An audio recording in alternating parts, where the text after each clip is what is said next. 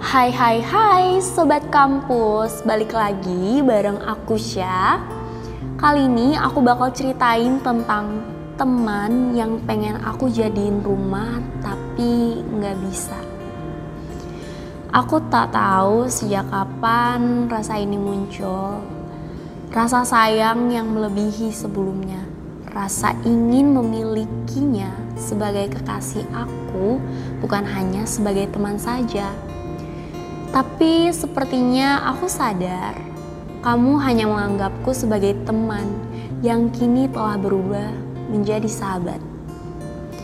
Ada rasa yang tidak seharusnya muncul tiap aku bertemu dengan kamu dan berkumpul dengan teman-teman. Ada rasa canggung yang aku rasa, namun aku yakin kamu tidak merasakannya karena aku bisa menyembunyikannya dengan baik darimu. Hari itu aku diboncengimu menggunakan motor metikmu.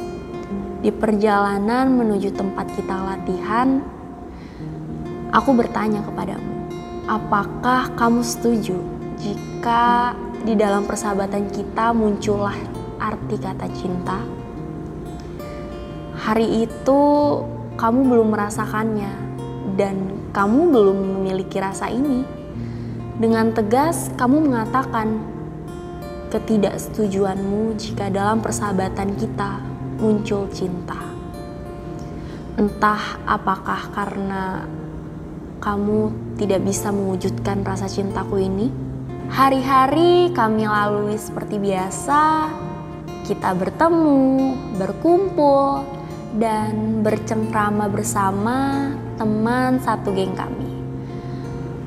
Aku nggak tahu apakah dia hanya dekat denganku atau dia merasakan hal yang sama denganku.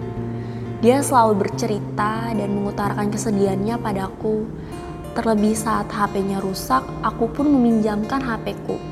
Namun, entah kenapa saat aku mendengar dari temanku bahwa dia telah memiliki kekasih yang tidak lain adalah teman satu circle aku, jujur aku bingung sih dan aku sedih. Sekaligus aku kaget mendengar cerita itu.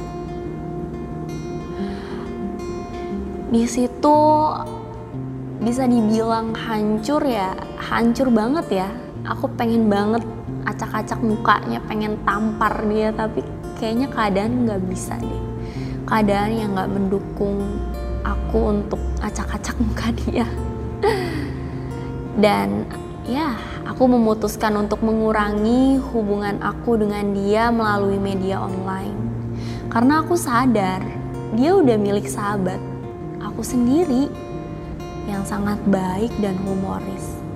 Aku yakin dia nggak salah milih kok dan entah ini munafik atau apa, tapi aku benar-benar merasakan aku merasa sangat bahagia saat melihat dia bahagia dengan pilihannya. Sejak saat itu, aku mulai membuka diri kembali darinya dan aku mulai dekat dengannya hanya sebatas sahabat. Namun perasaan ini masih ada. Hanya saja aku terapkan dalam hidupku bahwa aku bahagia jika melihatnya bahagia. Ini bukan munafik kok, tapi inilah fakta yang aku rasakan dalam hidup aku. Suatu ketika aku membuka pesan darinya, sudah lebih dari satu minggu setelah dia kirim, aku shock dan kaget. Wow, ketika membaca dia memintaku untuk menemani membelikan kado ulang tahun untuk kekasihnya. Aku bingung dan aku kaget. Rasanya pengen banget marah. Terus aku kayak bertanya-tanya gitu. Kenapa dia nggak bisa mahamin perasaan aku ya? Dengan perkataan maaf, aku membalas pesannya karena aku baru melihatnya. Dengan santai, dia mengatakan jika telah membeli bersama temannya. Setelah beberapa bulan setelah kejadian itu, aku mulai benar-benar tidak kontak-kontakan lagi dengan dia karena aku rasa apalagi yang harus aku perjuangkan. Percuma, kita akan kalah dengan orang yang dia sukai.